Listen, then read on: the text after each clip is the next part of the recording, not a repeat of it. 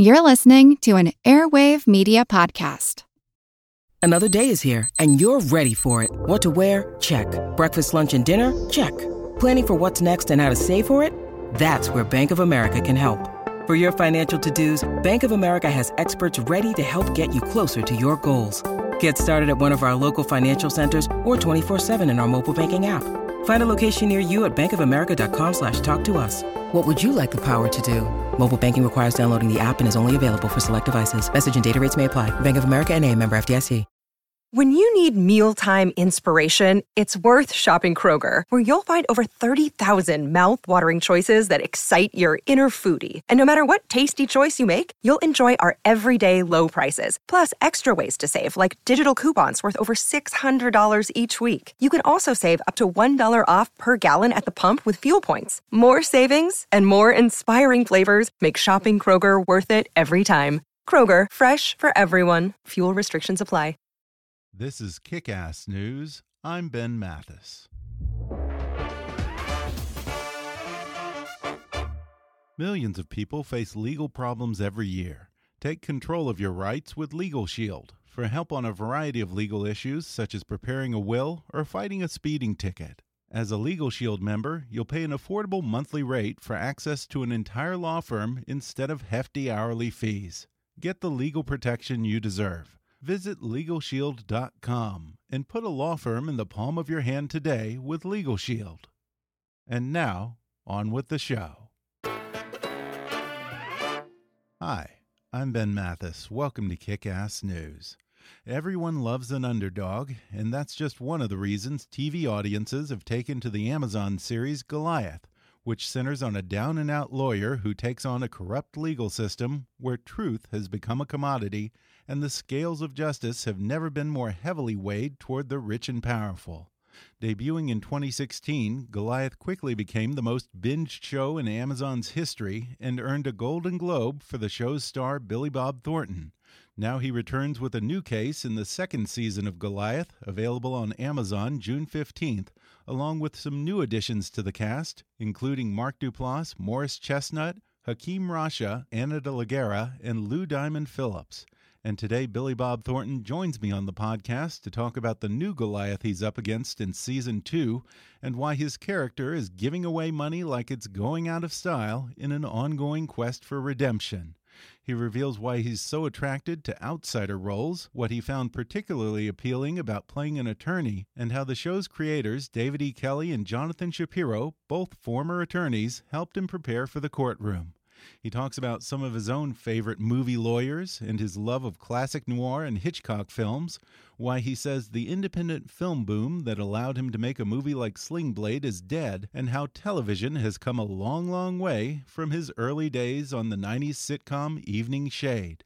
In fact, he says for an artist like himself, Television is where all the interesting stuff is happening these days, and if and when this Oscar winner finally decides to return to writing and directing, he'd be more inclined to do a television miniseries than another movie for the big screen. Then, after the break, I'll talk with Mark Duplass about being one half of the acclaimed filmmaking duo, the Duplass brothers, their early years making bad remakes of horror films like The Blob, how they managed to successfully mix business and family, and why it took a long while for them to learn to, as they say, individuate and pursue individual opportunities like Mark's role in the new season of Goliath. Mark shares his excitement at finally getting to play a bad guy on Goliath and how his character, a rich, well connected developer, wants to give LA's notoriously boring skyline a facelift. He discusses what it's like to be an actor on another director's set, using his success to showcase the next generation of filmmakers, and producing the crazy successful and just plain crazy docu-series Wild Wild Country. Coming up with Billy Bob Thornton and Mark Duplass in just a moment.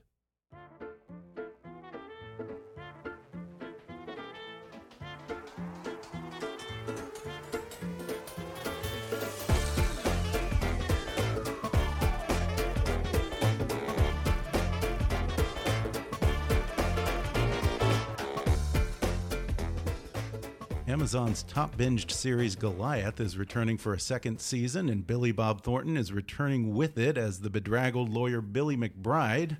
And I've got him with me today. Billy, thanks for joining me on the podcast. Thanks for having me. Well, season one of Goliath wrapped up pretty neatly as its own standalone narrative, but you were one of the people, along with many fans, who were saying there ought to be a season two. Uh, what did you want to explore in the second season of Goliath? Well, since, like you said, the first season was very, uh, uh very much a contained unit. I mean, it had a beginning, middle, and an end. Uh, that was actually the way they'd always intended to do it, you know, and, and with with the idea that there might be more seasons, but it was always planned that if there are other seasons, to make them their own story too. Mm-hmm. So it would never be anything that drug the last case over into the next one or anything like that. And once you get into something like this, and you're playing a character like this that uh, that I love, uh, you kind of become them. And, and I'm kind of close to the character to start with. yeah. So it was really, uh, you know, everybody loved it. It was successful. We, you know, brought home a trophy or two. And, and uh, so I think people really got into it and didn't want it to end. And, uh, so we were pretty sure we were going to do a season two, even when we were shooting season one. Season three is a little more questionable. I mean, it hasn't. Yeah. We don't know because this one hasn't come out yet. But uh, so we don't have an official green light. But their their in, uh, their intention is to do a third season. Uh, we'll just see if you know scripts work out okay and all that. But it's it's just a great way to uh, have that independent film heyday again, where mm-hmm. you're actually it feels like you're doing an independent film over a long period of time, which is what's appealing to me about it. Yeah, well, you did your share of TV in the early 90s with Evening Shade and other projects before you hit it big with Sling Blade and everything that followed. That was sort of in the days when movie stars didn't go back to TV. And, you know, right. agents would say, you know, if you do TV, then that's going to knock a million dollars off your quote. Right. Were you aware that TV was doing all this interesting stuff now, or, or were you still a little bit reluctant when you started doing Fargo and now Goliath? I was reluctant, uh, yes, at the beginning uh, before Fargo, but once I read it, I thought, I've got to do this. And I was a little late to the party, so I wasn't aware that TV was as hip as it is, mm-hmm. because it's not traditional TV. I mean, yeah. obviously, the you know the major networks, you know, uh, in regular TV, they're still, you know, even though they have some great stuff too, but they but it's still in essence like it was when I was coming up. And, you know, and they did tell film actors, I'm not sure about TV, you know? Mm-hmm. uh, so I was one of those guys who said, I don't want to do TV. And then I found out that TV is hip. and not only that, it feels so much like I said, doing, you know, mm-hmm. movies that this is the place where actors want to be now because the major studios are doing, you know, mostly event movies these days. And, the independent film business is kind of not yeah. around anymore. So this is kind of the place to yeah. do it. So we're doing some really uh, interesting things in this whole world of your Amazons and HBOs yeah. and all these things. You know, it's really a. It feels like a new. Uh, well, it, it, it, it, it's an invigorating thing, I believe, for actors and directors and everybody, you know, uh, to, to have this feeling again. If you were to write and direct again, do you think you'd probably be more inclined to go the TV route than independent film now?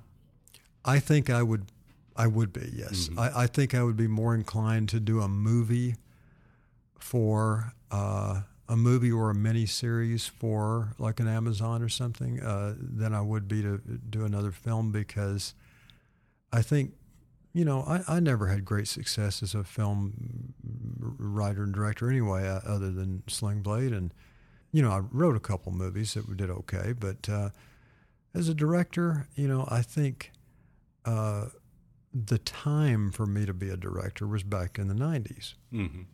And since the TV thing feels like the 90s, maybe that's a possibility. Yeah.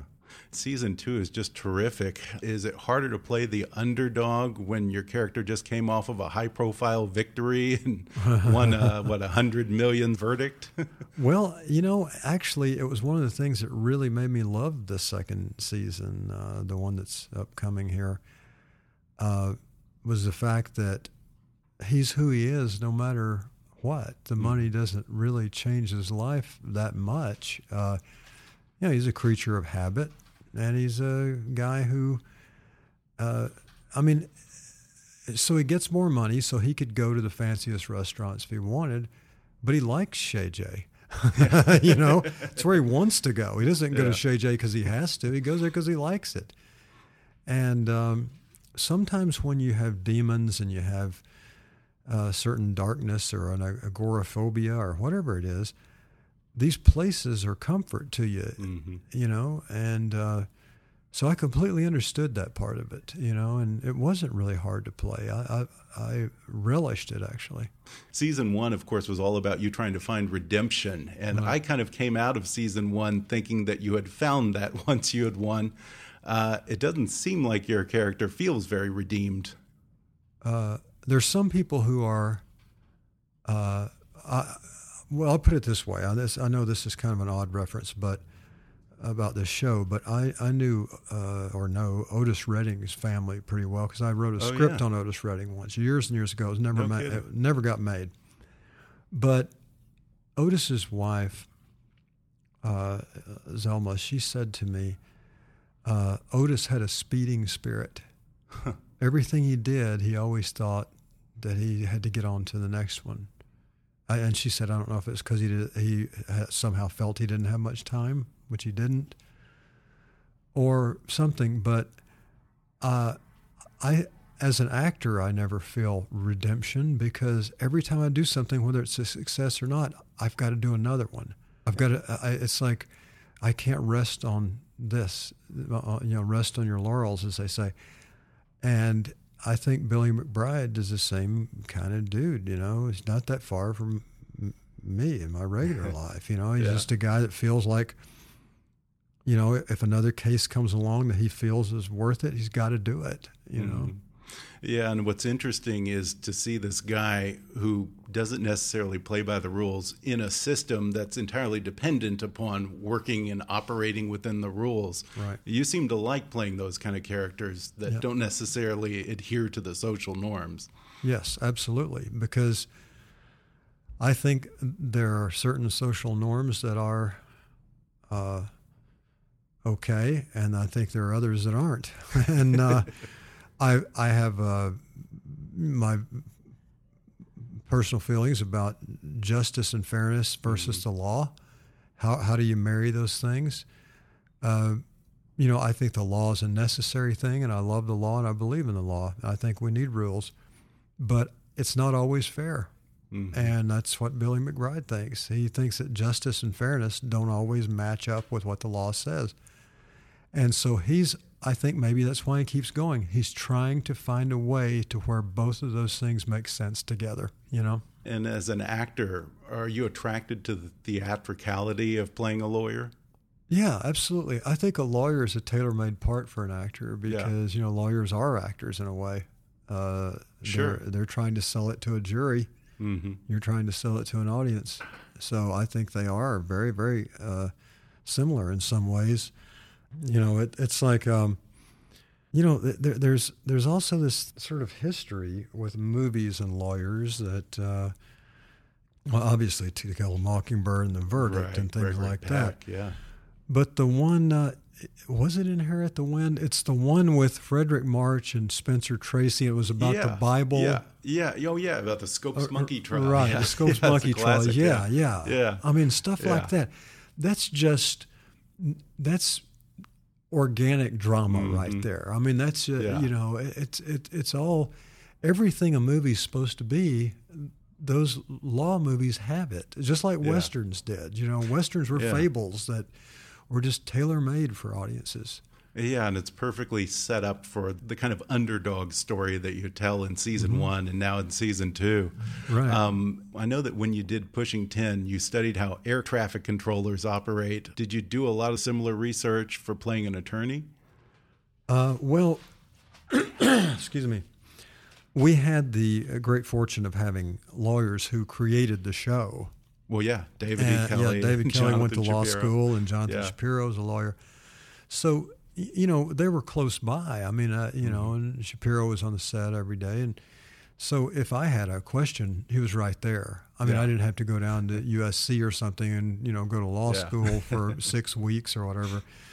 Uh, and but and also having just studied them over the years, got a couple of friends who are attorneys, you know, stuff like that. You you just know how that works, and uh, I just wanted to make sure I didn't do stuff that you know generally on network TV that they used to do in law shows, which is just like surprise witnesses and yeah, stuff. and all that stuff. Like yeah. one of the things that I Very didn't want to do because I knew that from talking to lawyers was the fact that you don't go up to a witness in their chair on that stand and like circle around them and po- poke your finger at them and throw books at them and yeah. stuff like that. You, you don't do that kind of stuff. It's not cool.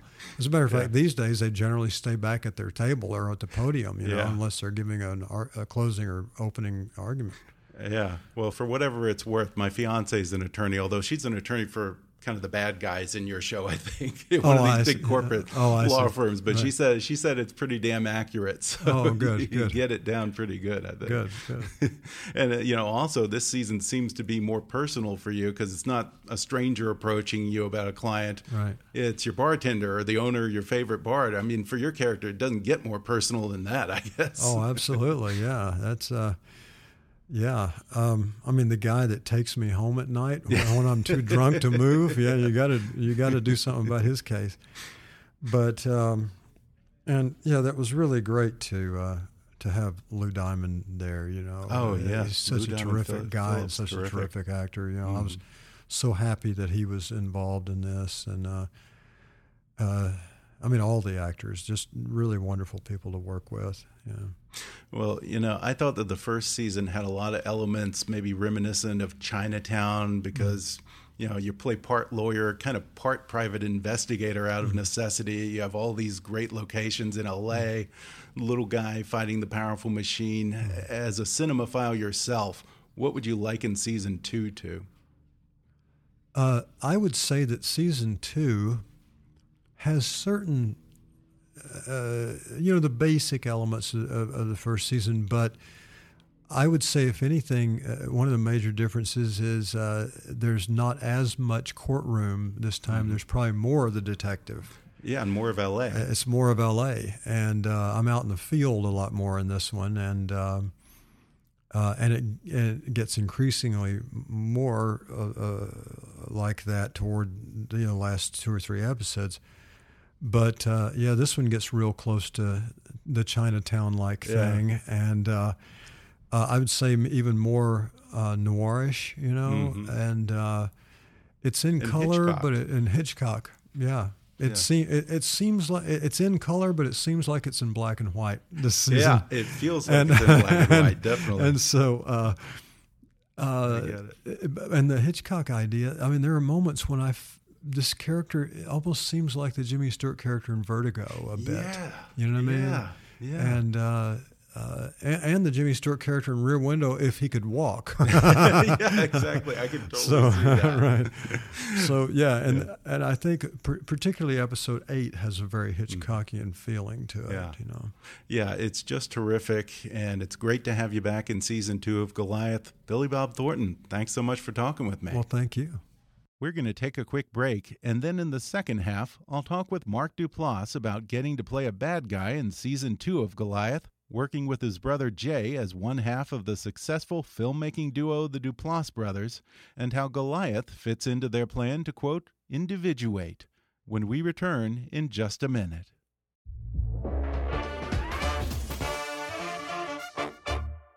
Lawyers are expensive, but not with Legal Shield.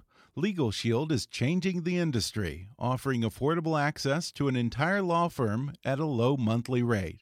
Legal Shield law firms have over 20 years' experience in many areas of law. From estate planning to traffic violations, Legal Shield can assist with a variety of legal problems. They can even help with finance issues, such as tax concerns and debt collection, or offer guidance for things like a dispute between a tenant and landlord.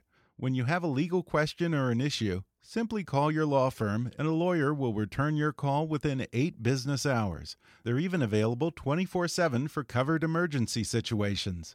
With the Legal Shield mobile app, you can call your law firm at the touch of a button, access legal forms, and upload your speeding ticket for review.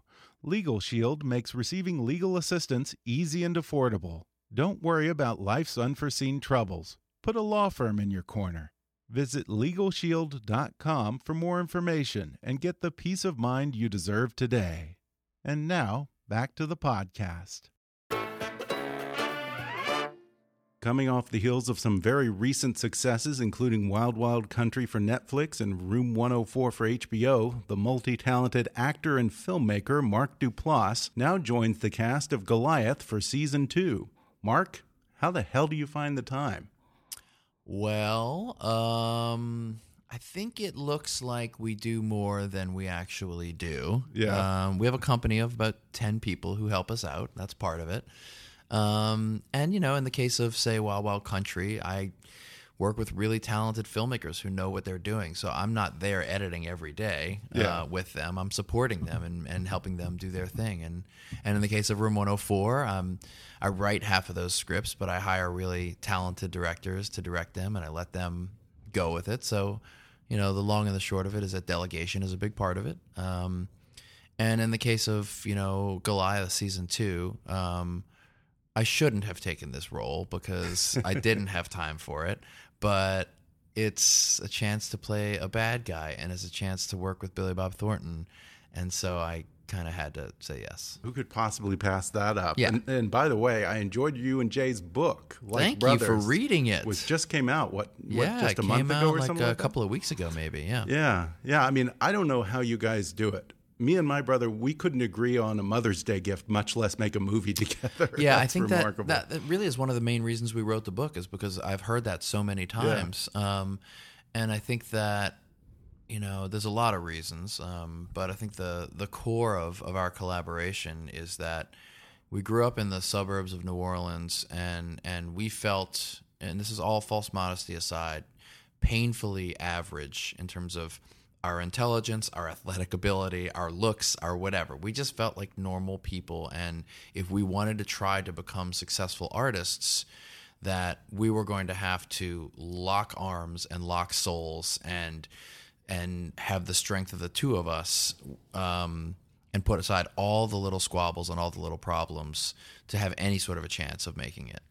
Yeah, I mean, how do you guys divide up your duties on a project? How do, how do you make these decisions without getting at each other's throats? It's easier now because Yeah. you know we're we're more grown up, we're more emotionally aware. We know what our strengths are a little bit more.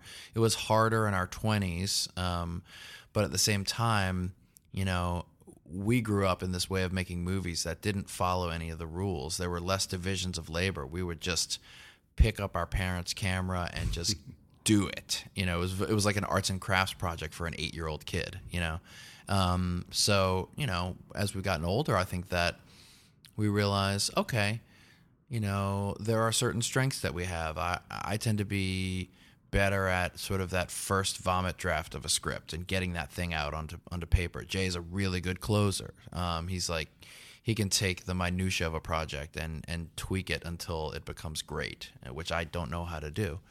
Um, and then sometimes it's as simple as we walk in to a set of say togetherness and we look at each other in the morning and one of us is looking more anxious depressed and tired than the other one and and we don't have to say anything and and, Really? and that's where we develop kind of what we call president and vice president mode where someone just sort of becomes the leader at that moment and the other person lays back a little bit and there's power in that too because while someone is charging forward leading the troops they're getting 80% of it done, but that person who's laying back is seeing things from a 30,000 foot view that the leader inevitably misses. Mm-hmm. And so there's a value in that. Yeah, what was it like growing up in New Orleans? Is that a pretty good place for fostering creativity in it two young boys? It sounds like it, but we were in the suburbs, kind of removed. Um, mm-hmm. Um, so Metairie, uh, right? yeah, Metairie. Our, our, we could have been in Ohio, yeah. you know. Um, and as we got older, we started to realize, yes, there's this cool stuff ten minutes away. Yeah. Um, but uh, our collective experiences, we're watching HBO, we're we're seeing these movies, we love them. We don't know who makes them or how they get made.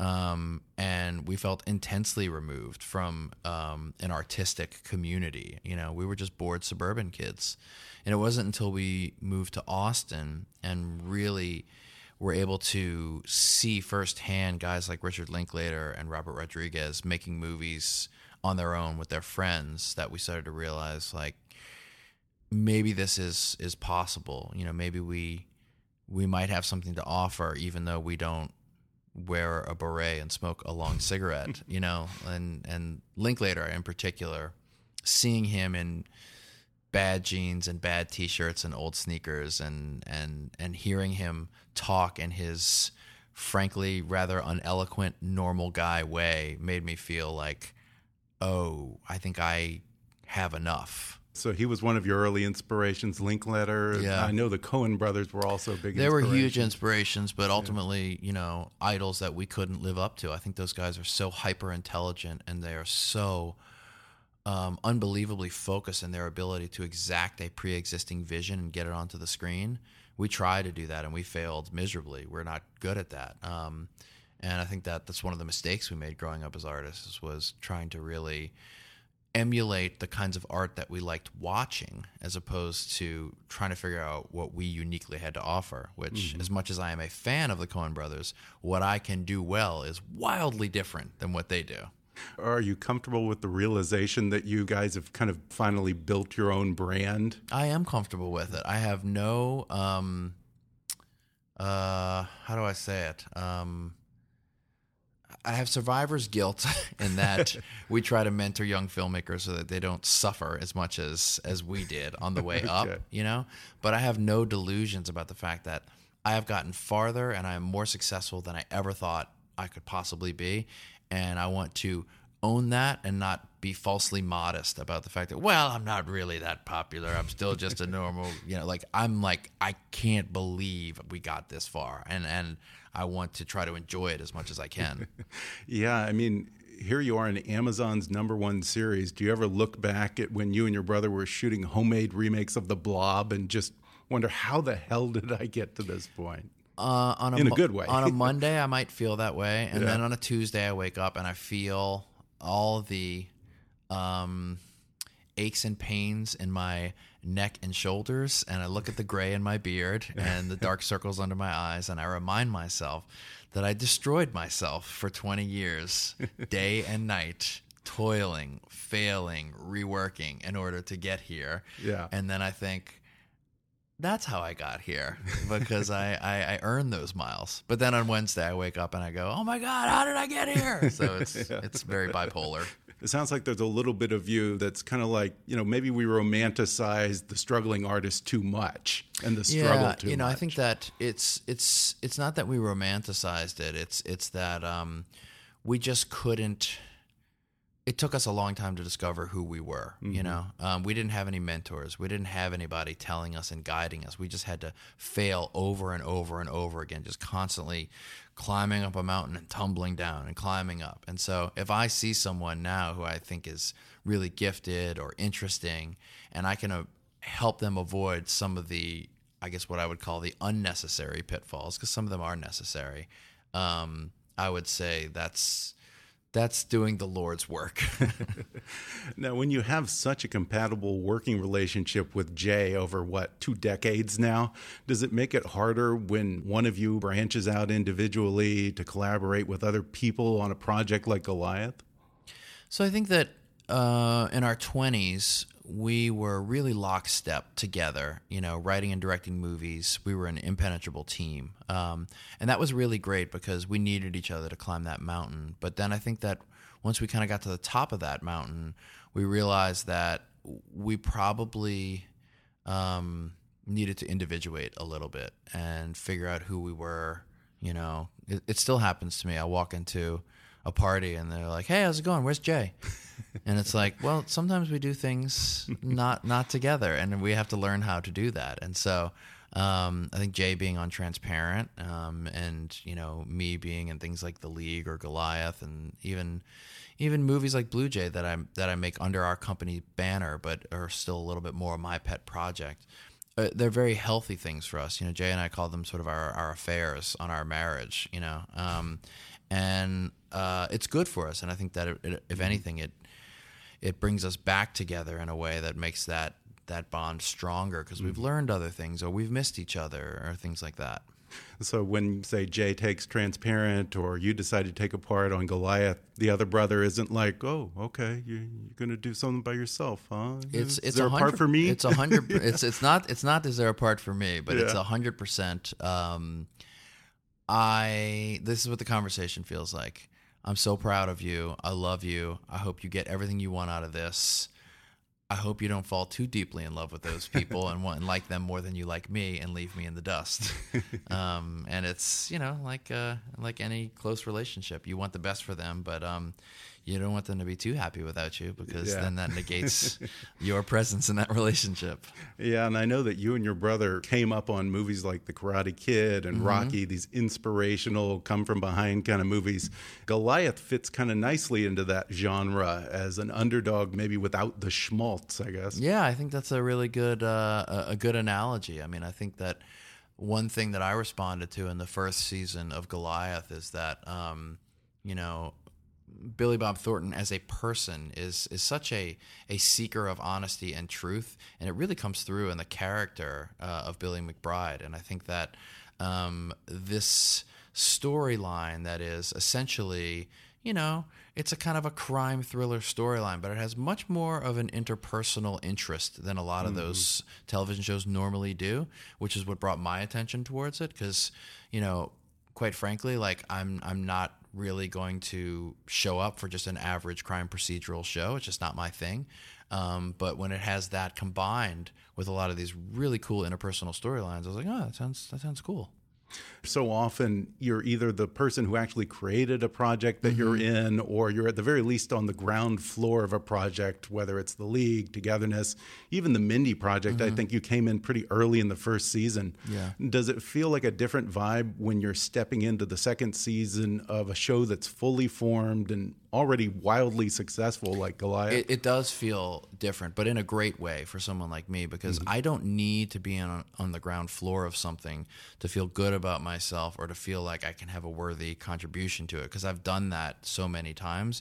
And quite frankly, I'm not looking for more of that. That's more responsibility and more pressure. I've got plenty of that in my life. to be able to be a small part of Goliath like I was that already has its foundation built, that they do that show better than I ever possibly could is actually not only relieving, but it is it's joyful for me um, because I can come in and say, all right, you guys are doing your thing. I'll try to add these two or three things to sprinkle on top of your cake, but you guys got the cake and you know what you're doing. Um, that actually, you know, the, I guess the way I always equate it is like that's like being the fun uncle who shows up at the birthday party and has a good time and leaves. as you don't have the responsibility. Being the parent, and that's what I am for most of my projects. Is I'm the parent, and um, and that's quite frankly rewarding and totally exhausting. now tell us a little bit about your character in season two So I play a guy named Tom Wyatt, who is one of these sort of gazillionaire real estate developers in the city of Los Angeles, and um, he is personally funding the political campaign of a woman named Marisol Silva, who is running for mayor of Los Angeles. And while he likes her politics, I think he also wants to be able to have some influence over her, so he can do what he wants to do to the LA skyline uh, with his buildings. Um, and that is all well and good, um, and a normal conflict that you might find in an average city. But Tom Wyatt is not normal. Um, he is a wildly unhinged person. Um, I think there's a level of, of sociopathy going on there that he doesn't quite understand yet. There is some deep, strange childhood trauma wounds uh, that he is just starting to scratch the surface of. So, what made it so exciting for me is to play someone who is in a position of uh, serious um, civic power um, on the outside while crumbling on the inside and capable of anything. Yeah, it kind of seems relevant to today. It does seem a little relevant. it reminds to me of someone. Yes. uh, you know, I have to say, on some level, I'm kind of rooting for your guy because God knows LA probably has the most boring skyline of any major city in the world. I like that. It's a good approach. Yeah. Well, you know, of course, people who aren't from LA will find this section really boring, but I just learned because I guess now they've opened that up where they can have interesting buildings downtown. Sure. But for the longest time, if you look at the downtown skyline, all the buildings are flat because there was something in the building code that said that every building above a certain height had to have a flat roof that could have a helipad. Right. For like I guess an emergency helicopter or something like that. Well, probably for the rich people, the rich eight people who run Yeah. the city, honestly. But yeah. But I guess they just scrapped that recently. So now you actually have uh, like what the Korean Air building that just came up that Yeah. doesn't have a flat roof. We actually have interesting skylines coming about. Uh, and there is a lot of LA in season 2 There was a Mm-hmm. lot in season one. There's even more in season two, which is fun. I love being able to watch a show and see landmarks that I know Yeah. or continuity check a show and say, hey, he just walked into the Beverly Wilshire Hotel, but yeah, that interior is from Right. the LA Athletic Club or something like that. Yeah, I mean, I also think that you know, for a, a show like uh, Goliath, where you know, honestly, most of the people who are watching the show are not in Los Angeles. They're they're really spread around the country. You know, I, I was surprised how wildly popular the show is in the middle of the country. Um, a lot of them um, have basically one experience of Los Angeles, um, and it is sort of centered around Hollywood and. And this thing moves around quite a bit, and in particular, some of these areas of downtown, which has been such a strange historical development. You know, this this season when I was hearing it pitched to me um, when I came aboard, it sounded a lot like Chinatown. I remembered feeling like this feels, Yeah. you know, like uh, an old noir in that way, and and you get to you get to learn some of that stuff about it through uh, through the show. It's cool. Yeah, I was thinking Chinatown when I was watching it actually. Yeah, you're not really sure who Yeah. who is the bad person. Are there shades of these things? You know, um, the Goliath in season two is not as readily identifiable as as some people might think. hmm Now, you know, I had Bob Balaban on the other day, and he's like yourself as an actor director, and he said that every time he acts in a film, he loves to shadow the director. Mm. As a filmmaker, do you find yourself trying to learn something or pick Depends up on the something from the directors? Sometimes I get there, and after Yeah. a day, I'm like, I don't, I don't need to shadow this person. I'm good.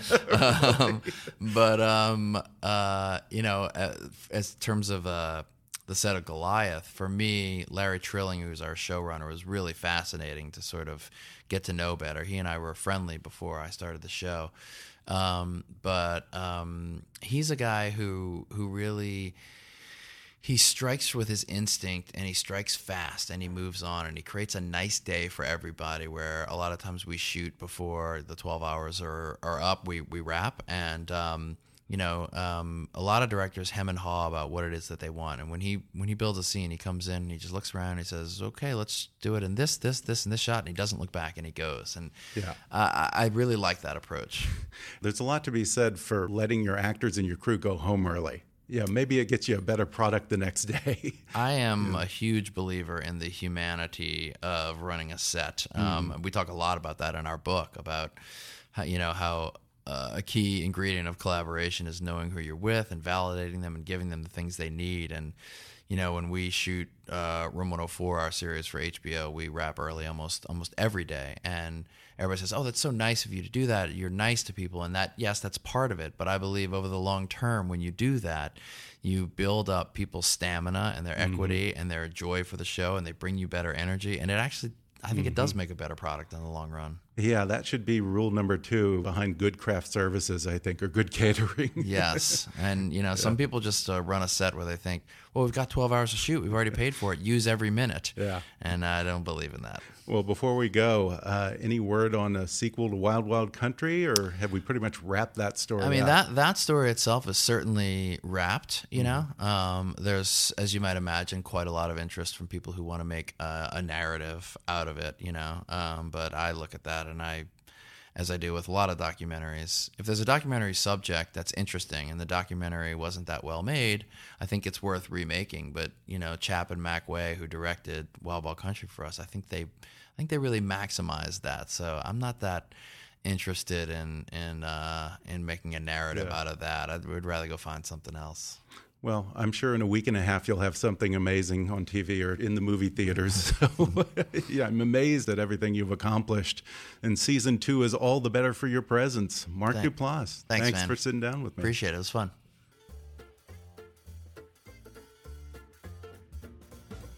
Thanks again to Billy Bob Thornton and Mark Duplass for coming on the podcast. Season two of Goliath is available on Amazon beginning Friday, June 15th.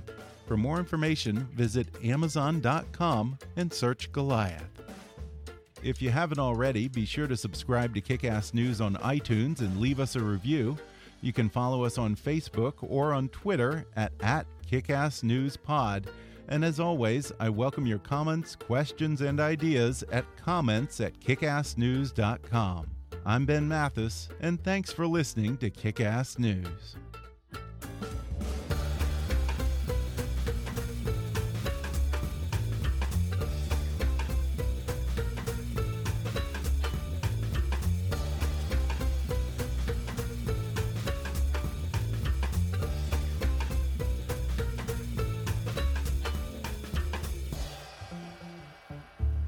Kickass News is a trademark of Mathis Entertainment, Inc.